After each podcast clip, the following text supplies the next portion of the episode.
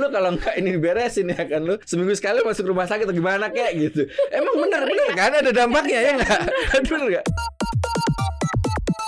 dampak ke masyarakat seperti apa, Hmm. penyakit seperti seperti apa, premature death jadi kematian dini, Hmm. meningkatkan Hmm. uh, uh, uh, bisa menimbulkan stroke, uh, Waduh. respiratory. Percuma ada bonus demografi itu. Iya, kalau tahu-taunya seandainya- sakit-sakitan. Nah, ya kan? generasinya bukan generasi yang fit gitu ya, tapi Iya, generasi kan? generasi yang Iya. sakit-sakitan. Koneksi. Konten ekonomi seksi. Halo Sobat Cuan, apa kabar? Semoga dalam kondisi yang baik dan sehat-sehat aja ya Selamat datang di podcast Cuap Cuap Cuan Hari ini seperti biasa ada koneksi konten Ekonomi. Seksi. Yeay. Koneksi ya, konten ekonomi seksi Salah Yeah. satu uh, konten di Cuap Cuap Cuan yang selalu mengangkat hal-hal yang seksi-seksi pastinya Iya. ya Nah hari ini ada Maria Katarina dan juga ada Mas Maruf di sini, Head of uh, CNBC Indonesia Research dan kita kehadiran aku nggak mau salah sebut nama ya. Panjang Karena soalnya. Katarina Katarina juga Iya, oh gitu. agak Hampir jadi mirip ya. Catherine gitu ya. di sini kita kehadiran uh, Mbak Catherine Hasan analis Krea dan juga penulis kajian Health Benefits of Just Energy Transition and Coal Phase Out in Indonesia. Apa Oh my kabar? God. Berat banget nih, berat banget nih. Berat banget. Berat nih. Kalau di sini ada peneliti gitu ya, berarti apa yang mau kita bahas Iya. ya? Nah ini terkait mengenai salah satu isu yang cukup seksi ya. Ini terkait mengenai percepatan penghentian operasi PLTU batubara yang side effect-nya atau dampaknya cukup signifikan pastinya untuk udara di sekitar Mm-mm. kita ya. Ini agak menarik untuk kita perdalam. Sebenarnya kalau dilihat dari isunya sih Mas Maruf kita udah pernah banget dulu dulu Iya, kan iya, di sering. mentioning soal ini ya. Karena kan PLTU batubara kita di Indonesia juga udah Mm. ber Iya. puluh-puluh tahun beroperasi. Cuman kalau sekarang kita lihat dampak atau level ini terhadap udara nih kalau yang mungkin lo perhatiin sejauh Hmm. ini seperti apa? Sebenarnya gini sih, eh aku ng- paling ngomongnya dari ya, atas dulu ya, Mm. dari gambaran makronya. Sebenarnya kan semua aktivitas ekonomi itu ada dua dampak, namanya eksternalitas kalau di orang. Kalau teman-teman yang kuliah eh, di ekonomi itu adalah kenal namanya eksternalitas. Eksternalitas itu ada dua, Mm-mm. Yang positif dan negatif. Itu Yes. dampak dari ekonomi. Mm-mm. Nah selama ini ekonomi yang yang teman-teman baca misalnya ekonomi Indonesia tumbuh berapa persen, akan ada nilainya berapa triliun. Mm-mm. Nah itu sebenarnya cuma angka saja, da, apa value nilai tambah misalnya handphone ini dari apa namanya dari scratch dibikin ini kan ada nilai tambah itu namanya PDB. Nah dampak dari ketika kita pakai handphone itu kan banyak. Ada yang kemudian belajar, ada yang eh, konten aneh-aneh kira-kira gitu ya. Kalau yang aneh-aneh itu berarti negatif, Ya. yang belajar berarti positif. Yes. Nah selama ini hal yang sama juga bisa diterapkan dalam ketika apa namanya dampak ke lingkungan. Gitu. Ada namanya misalkan ya yang itu itu real ya itu tuh dampak itu real banget kita hadapi. Misalkan teman-teman kalau misalnya sore jalan ke Jakarta itu kan di, di inilah di di Sudirman Mm-mm. di mana gitu pasti itu itu uh, udara itu agak sesek bener gak sih Iya. aku tuh sampai ka- kadang pakai ini loh sore dari Iya, pagi. iya itu beneran gitu. Gue aja pakai masker gitu. Hmm. Maksudnya Iya. itu salah satu dampak dari ekonomi apa? Itu biasanya karena ya itu banyak kendaraan ya kan yang Hmm, belum hmm, kemudian fully elektrik atau banyak yang masih boros. Kemudian juga PLTU-nya yang masih batu bara itu kan hmm, bahaya dan di Hmm. Cina itu luar biasa. Bahkan sampai kemudian saking mereka tuh polutif banget, akhirnya mereka tuh terpaksa menutup gitu loh. Ya. Nah gitu. Jadi eh, yang diharapkan dari kita adalah jangan sampai kita kemudian tiba-tiba menutup ta- tanpa ada preventif. Kita nggak bisa juga loh nutup semua PLTU batu bara itu. Hmm. Benar. Kita nggak ada listrik. Gimana coba kita ngapa-ngapain gitu? Masalahnya kita masih butuh. Benar sih butuh. Dan Itu. kita makanya ada butuh bridging tuh ke arah situ yang udara yang clean. Kalau itu butuh proses. Mhm. Nah itu yang yang apa namanya eh, seharusnya jadi kita harus mikir semua nih anak-anak muda gitu teman-teman gitu harus mikir juga gitu loh kan. dan saatnya juga karena kan uh, yang muda-muda merasa dan cukup aware karena kan tiap Iya. hari kita yang berada Benar, di bukan lingkungan bukan bapak-bapak aja yang ngurusin kayak gini. Kalau dari uh, Mbak Catherine sendiri apa yang ditemukan oleh Krea sebenarnya dari sisi dampak ekonomi yang tadi mungkin Mas Maruf Ya. coba sampaikan terhadap uh, kualitas yang kualitas uh, lingkungan udara dan itu pasti kan dampaknya juga ke kualitas hidup kita Ya, sih ya. as a manusia ya sebagai uh, humans ya. Betul. Mungkin kembali ke analisa Hmm. uh, Mas Maruf ya. Hmm. Uh, kita negara berkembang, ekonominya Lagi ya, growing ya. terbesar di di. Asia Tenggara. G20 loh kita. Mhm. Ya, kita ekonomi terbesar, populasi empat terbesar Perdat di dunia. Um, bu, polusi udara ini bukan unik di Indonesia Betul. saja, banyak di kota-kota besar juga. Hmm. Nah, di Jakarta tentu salah satu hotspot ya bisa Iya. dibilang karena polusi udara ini Mm-mm. ada dari berbagai sumber, ada transport, Iya. ada ya Mm. PLTU, PLTU. dari uh, listrik berbasis batu bara, um, ada juga mungkin emisi lainnya Betul. uh, kebakaran, kebakaran Mm-mm. hutan atau kebakaran atau crop burning, Mhm, jadi hasil uh, Dulu kebakaran hutan di, clearing. di Sumatera itu ya. Iya, iya, dulu iya, gitu. iya, Ya, iya, itu iya. juga dulu. tapi ya di Jakarta mungkin kita bisa lihat selalu cukup tinggi Mm-mm. eh, porsi eh, hari-hari dengan eh, kualitas udara yang Mhm. eh, berbahaya, bisa Mm. dibilang berbahaya. Mhm. Eh, ya mungkin itu tren salah Berbahaya satu tuh ada kategori misalnya dari Ada levelnya nggak sih? Ada skalanya. hitungannya nggak sih? Iya, kayak sekarang tuh udah tuh? dangerous banget atau kita harus worry atau kita nggak bisa gimana ya? Cukup Keluarnya tuh nggak Cukup cukup pakai masker tapi kayak pakai helm atau pakai apa gitu kan. Udah kayak di film-film gitu. Makanya. jadi mungkin bisa dibilang nggak ideal ya. Nggak ideal ya? Maria, Ah. eh, Mas Maruf karena em, dari data rata-rata dari Ah. tahun lalu itu Ah. sekitar 65% itu di atas dari lima kali standarnya WHO. Oh, gitu, lima- partikel Wow. partikel debu berukuran 2,5 mikron di bawah Hmm. 2,5 Wow. mikron. Terus itu ada ada ini nggak ada hitung-hitungan maksudnya dampak ke kesehatan kita atau ada juga? Ya, itulah Ah. em, dari organisasi kami itu eh, Ah. fokusnya Jadi concern Fokusnya sekarang situ. ya. Kita coba Ah. uh, hitung, coba analisa itu dampak ke masyarakat seperti apa Mm. dan ya uh, ditarik Hmm. khusus dari dari coal power generation Hmm. itu sebanyak apa? Karena ya Hmm. memang tadi polusi udara ini Mm. sumbernya bermacam-macam, tidak hanya Mm-mm. man-made atau Hmm. anthropogenic dari aktivitas kita semua. Eh, Tapi sorry itu emang udah ada hitungannya nggak sih? Maksudnya kita itu kan polusi ya Maria. Kita maksudnya kerugian Kerugian. dalam angka gitu biar kita tahu. Eh ini bahaya banget. Nggak hanya cuman kita sesak napas tapi secara ekonomi ada nggak sih hitungannya gitu? Ada, Ada gitu ya? Ada. Jadi em, metodologi yang kami pakai itu bu- bukan metodologi kami atau Mm. dari organisasi saya, tapi ya menyeluruh akademis em, itu kita coba hitung Mm. eh, berdasarkan studi global Mm. epidemiologi Mhm.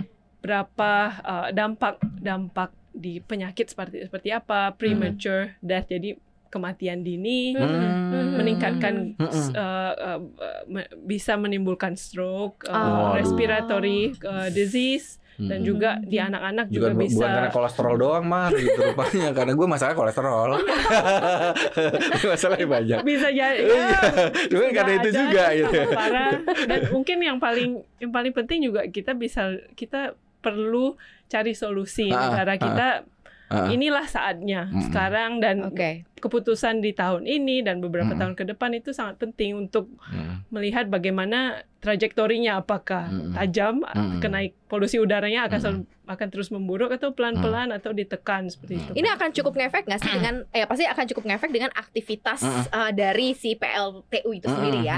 Karena gue dulu pernah kayak belajar soal masalah PLTU itu kan ada dua limbah sebenarnya Iya. punya Iya. eh, faba ya fly ash, eh, bottom ash. Nah waktu itu kan sempat dipush untuk mereka mm, mengelola si bottom ash makanya terus dibilang ada produk-produk Mm. ab- limbah batu bara eh, jadi batu bata, there's Ya. something lalala. Mm. Nah mungkin ini yang lebih menjadi concern si fly ashnya ini yang terbang mm, menghirupi udara itu ya. Nah ini kalau Ya. kayak gini dari sisi pengolahan limbah mm, mm. para Hmm. PLTU ini harusnya kayak gimana Mas Maruf yang lo lihat? Sebenarnya secara teknologi ada lah seperti itu. Cuman kan gini, mau bagaimana tuh emang energi kotor, kita nggak bisa ngapa-ngapain. Ya kalaupun di residu ya kan berapa persen. Cuman konteksnya tuh gini, benar kata Katrin tadi bahwa kita ini negara berkembang. Sebuah eh, teori negara berkembang itu kan semua kita tuh beraktivitas. Artinya semakin kita tinggi pertumbuhan ekonomi, semakin besar dampak ekologinya. Hmm. Itu udah ter- tidak bisa kita hindari. Hmm. Makanya memang kalau kita pakai kacamata Eropa nggak bisa. Mereka itu udah negara ber- udah maju gitu. Mereka nggak begut ngoyo pertumbuhan ekonomi misalnya cuma dua persen, tiga persen udah oke. Lah kita tuh mau ngejar double digit loh. Ya. Kita untuk negara maju, kita 13 tahun lagi apa Indonesia 445, kita butuh trip oh, double, kita butuh pertumbuhan ekonomi di atas 10%. Hmm. Which is adalah kita butuh energi yang bes- besar. Contohnya kita butuh listrik yang banyak itu industri Hmm. dan itu nah problemnya adalah sekarang memang eh apa namanya kalau kita ngomongin energi aja Mar ya memang batu bara itu mendominasi EBT itu baru berapa persen berapa sih Belum, 20 nggak nyampe 20 kan Nggak nyampe. 10 even nggak ada gitu loh masih jauh gitu masih impian Nah memang, nah ini yang mungkin eh, aku nggak tahu ya dari temen Yaser itu ada solusi nggak sih untuk eh, shifting ke situ? Energinya apa aja yang mungkin jadi alternatif kita? Karena memang kita kita itu kalau mengkritik jangan sampai bilang eh ini jelek-jelek tapi kita nggak nggak ngasih ini ya offering penawaran apa gitu. Dan menurut gue sih sebenarnya ini kan isu yang agak berat sih sebenarnya ya. Nggak nggak nggak keren lah kalau misalkan di anak-anak muda. Cuman gimana caranya saya nggak tahu ya. Gimana caranya mungkin ini kita harus mendesain sih sebuah campaigns gitu.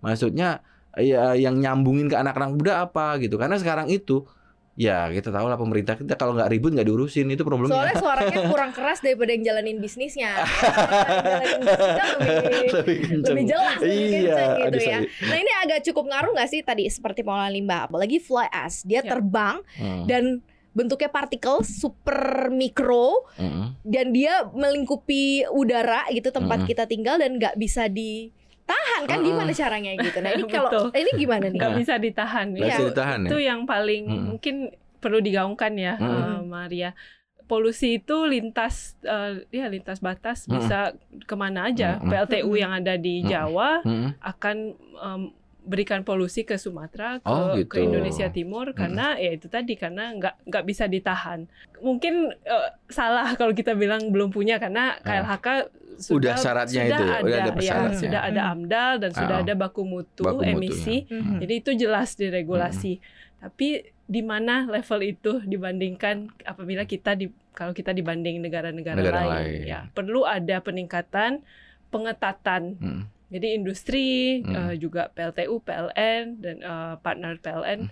eh, IPP juga bisa menetapkan ya memasang Hmm. memasang teknologi yang lebih Hmm. yang lebih ambisius, yang Oh, lebih, lebih bagus ya state of the art kita Oh, iya. ngomongnya Ah. eh, yang termutakhir, Termutakhir. teknologi termutakhir. Tapi memang kalau dari sisi ditekan. itu kita dibandingkan Pierce memang gimana, Justin? Eh. Apa kita buruk dari skala 5 berapa? Biar jelas. dibandingkan Eh, Memang Pierce lah kira-kira kalau- negara berkembang lah Tunggu gitu. Pierce-nya mana dulu nih? Iya enggak negara berkembang aja by GDP per India. kapita kayak apa kek gitu. kalau yang eh, Mas Maru bilang tadi eh, mungkin secara kasar aja Ah, ya ah. China itu China. China kan memang eh, kondisi polusinya sangat buruk. Iya, tahun lalu itu buruk sangat banget. parah. Parah. Mhm. Kenapa mereka bisa sekarang udaranya Oh, mereka bisa? bersih? Sekarang su- Wah, karena benar-benar mereka terapkan strategi nasional, Hmm. terapkan baku mutu yang yang yang Yang eh, ketat ya. ketat, Ah, ya. Pengawasannya juga ya. Pengawasan Kalau enggak ini tutup aja gitu kira-kira. Berarti. Pemerintahnya bisa se-strict itu ya. Iya, karena mereka lakukan studi, mereka Hmm. pelajari berapa sih dampaknya, apakah itu membahayakan. Hmm. Ternyata hasilnya memang memang bahaya. Hmm. Gimana kita bisa Hmm. capai visi 2045 kalau Lima, masyarakat kita sakit? Iya, iya. Kita sakit. Percuma ya kan. Percuma ada bonus demografi itu. Iya, kalau tahu-taunya seandainya- sakit-sakitan. Nah, ya kan? generasinya bukan generasi yang fit gitu ya, tapi generasi generasi yang Iya. sakit-sakitan. Nah, terus Ya. kemudian apa eh, saran atau mungkin yang dari hasil ini yang ditujukan untuk eh, pemerintah gitu, yang secara immediately as soon Ya. as possible harus dilakukan gitu. Sekarang mungkin PLTU-nya memang udah mau ditutup kan? Oh iya, ya? memang ada kebijakan itu kan. Kebijakan mau Iya. ditutup berarti kan? 2000 berapa sih 50 atau berapa? Ya, nggak tahu deh. Itu cuma bisa itu sound good. Tapi atau itu sih enggak keputusan politik menurut saya gitu. sih. Bisa berubah ya? Heeh. Ah, you know, we know lah our government Bisa gimana. berubah ya? Tapi kita ada kesempatan yang sangat Ah, bagus, ah, eh, JETP, JP. Just Energy Transition Partnership. Jadi Mm, gimana tuh? Indonesia dapat akses eh, ke jumlah funding yang sangat besar, Iya. 20 miliar Hmm. uh, US Dolar. dollar Mhm, ya mhm. ya itu akan pemerintah akan berikan pengumuman Mhm. uh, di tengah bulan Agustus bulan ini Hmm, huh, wow. ya, akan bagaimana um, uh, transisi energi Hmm. Jauh uh, Mhm. meninggalkan batu bara Nah, memang iya. itu tidak mudah kita Oh, semua iya, tahu iya. semua semua institusi pun mencoba mendukung pemerintah bagaimana Mhm. apa solusinya Hmm. tapi um, memang harus secepatnya Ya. karena itu uh, keuntungannya di sisi nasional jauh lebih besar, apalagi dari sisi kesehatan, Hmm. Uang yang bisa dihemat dari, Dari, iya belanja ini dampak belanja belanja uh, health Belanja care rumah ya, sakit, iya belanja rumah eh, sakit, iuran berapa- BPJS, Iya, that. hari-hari libur, Iya. uh, absen dari dari pekerjaan, Ya, iya, iya, iya. Uh, iya. itu besar sekali angkanya. Hmm. Kami coba hitung, Hmm. Jadi Kayaknya ya, sih kalau menurut saya sih memang benar sih. Jadi pendekatan itu ada dua sih kalau menurut gue. Jadi ke- memang harus jadi gerakan nasional. Jadi memang top down political will-nya harus ada. Jadi memang pendekatan dari politik artinya dari istana, dari kementerian itu kemudian juga pengawasan. Mhm. Kedua, tapi menurut Ya. gue juga yang penting adalah pelibatan eh, masyarakat dan eh, civil society gitu. Oke. Ya, isu ini tidak bisa isu yang elit gitu loh. Jadi Ya. kita recehin aja di Twitter kayak di mana kayak gitu. iya beneran. Karena kalau udah rame Buzzer, ribut buzzer. gitu. Kita kan kita kan suka keributan, Mar. Iya. Jadi buzzer biar kedengeran. Iya, tapi kalau buzzer positif kan nggak bagus, Nggak, apa apa iya, bagus dong. Buzzer nggak semua jelek. Nah, eh, berarti itu yang bisa dimanfaatkan ya tadi ya. Ya. Kalau sekarang kan lagi masa transisi, Mm-mm. kenapa kok lambat ya mas ya? Apaan sekarang polit- politik semua semua ketika memasuki era politik Apakah semua itu slow. Slow ya, berarti Iya, semua slow. nanti siapa dulu presiden? Oh iya, semua 2024 even even gitu? pengusaha. Saya ngobrol beberapa eh, CEO gitu ya bilang, "Pak, spend investment enggak nol. Saving gitu. Oke. We don't know gitu kan kebijakan bisa Kayak berubah segala gitu ya, macam. Iya, kayak karena memang itu udah kebiasaan ya. kebiasaan di Indonesia adalah ganti pemimpin juga ganti eh, policy gitu. Dan mereka juga aduh, bentar Tapi dari dari sisi lingkungan harus sesegera mungkin. Iya, itu dia problemnya. Apakah kita masih Tekanan. we can still we, menunggu gitu sampai nanti dulu ntar kebijakannya apa adjustment lagi bla bla bla gitu. kalau dari hitungan ya hitungan banyak pihak kita udah nggak ada waktu, Maria. Nah. Mungkin udah bisa lihat Nah. panas, udah panas, panas. iya bener. Kebakaran kalau lihat Hmm. berita ya CNBC Iya. itu cover semuanya Hmm. eh, apa saja ke- kejadian yang ya mengagetkan ya kita nggak Iya, pernah lihat tahun lalu pun nggak ada Hmm.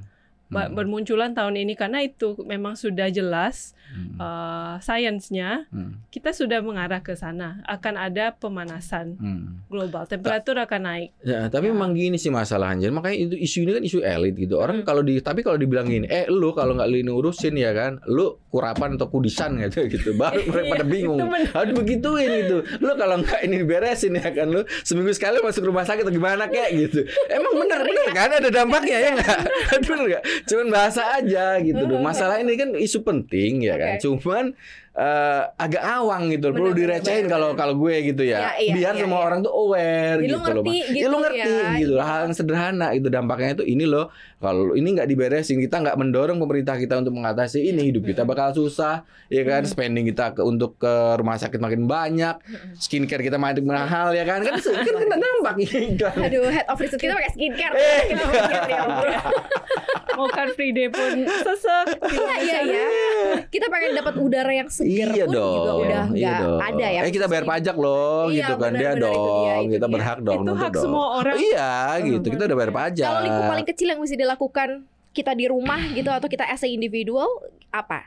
Em, Nggak pakai kendaraan bermotor atau gimana gitu sebagai Kayak gue dong naik busway. Nah, kayak gitu. promosi dong enggak ya karena polusi udara ini ya tadi eh, sumbernya macam-macam bukan bukan hanya PLTU tapi mm-mm, kita harus meng- harus tahu juga oh energi di Indonesia itu masih berat di mm-mm. batu bara ya Hmm. mungkin kalau semua masyarakat tahu pasti masyarakat Hmm. bertanya Hmm. kok kok gitu Hmm. kenapa kita nggak bisa misalnya Hmm. matahari, PL Matahari. bisa uh, ada PLTS Hmm. ada juga kita negara yang banyak sumber daya Mm-mm. bisa geothermal bisa Mm-mm. angin Mhm. kenapa nggak mulai Mahal tapi Iya. soalnya. tapi kita harus mulai Harganya mahal ya. Tapi aku pernah ngobrol kok sama teman-teman di HIPMI itu juga mereka juga concern ke situ juga. Cuman mereka meminta beberapa pengusaha ya versi pengusaha itu nyarinya cuan ya kan. Iya. Cuman dibilang mas itu kita setuju aja. Karena saya ngobrol beberapa perusahaan tambang itu mereka setuju aja. Cuman Mhm. kita harus ada roadmapnya nih, di Betul. guidance sama pemerintah. Kita nggak bisa nggak bisa langsung berhenti mas mati kita karyawan kita Nah, gitu iya, kan. betul. Cuman kita ada bridgingnya nih program apa segala macam. Nah itu kan harus di drive sama policy kan. Mm-mm. Misalkan kayak insentif fiskal, pajak segala macam untuk mengarah ke sana atau ngurangin cost of fund mereka atau misalkan dari buat pembiayaan dia eh, rate eh, apa namanya eh, bunganya lebih rendah bla bla bla gitu. Bahkan ada beberapa bank besar sekarang udah mulai mendesain itu loh. Ya, Sebuah ya. kredit yang kalau lu compile dengan eh, apa namanya eh, yang green bla bla bla itu ya lu bakal dapat rate segini loh. Kayak green bond itu green bond tuh kuponnya apa ini lebih Ya. rendah Ya. eh, dari buat ininya gitu. Karena kalau dari suara perbankan sebenarnya mereka cuma butuh garansi ini tuh sustain. Betul. Karena waktu itu pernah digaungkan Heeh. berhenti. mereka udah kasih Tahu-tahu kena pembiayaan. prank. Nah, kena prank. Karena mereka balik lagi ya kalau ke, Ya. perba- ke per- perbankan pasti dia cuma bilang sustain nggak nih? Anget-anget doang nih? Yes, gitu. iya, gitu. Ya, ini dibutuhkan kesiapan ya. Ini suara-suara kita dan ini memang dampaknya cukup signifikan gitu ya. Dan Mm. mungkin saatnya kita juga berpikir bahwa mungkin eranya SDA sudah selesai gitu ya kalau Yes. kita percaya eh, kalau kita memang bergantung Mm. kepada sumber daya alam yang justru sekarang harus diproteksi untuk Mm. mengejar bonus demografi adalah ke SDM-nya Hmm. sumber daya manusia Iya, sehat dan Betul. kuat. sehat dan kuat kualitasnya diperbaiki gitu ya pasti bisa mengejar ke Indonesian Emas 2020 eh 45 Hmm. gitu ya udah umur berapa lo Aduh, jangan ngomong umur lah. Repot lu mah. Enggak males lu ngomong umur. Bang Catherine thank you udah hadir dan Thank you, banyak Catherine ya. Insight-nya luar biasa. Iya, Gue juga belajar banyak. banyak. Gue pengen malah baca riset-riset Ah, lainnya, hasil-hasil oke. riset lainnya nih yang diterbitkan begitu ya dari Krea banyak. dan dari ASR Mm. juga pengen Iya. tahu nih apa-apa lagi Mm-mm. sebenarnya. Karena cukup bisa membuka pengetahuan kita lebih uh, Mm. dalam lagi ya. Mm. Thank you banget juga Sobat Cuan udah dengerin podcast kita hari ini. Mudah-mudahan jadi insight juga dan mulai aware sama lingkungan di sekitar Yes. kita ya. Jangan lupa dengerin konten kita lainnya di Apple Podcast, Spotify, Anchor, dan juga Google Podcast. Jangan lupa untuk follow akun Instagram kita di @cuap underscore cuan dan subscribe YouTube channel kita di cuap cuap cuan, like, share, dan juga komen. Kita bertiga pamit. Bye-bye. Bye bye.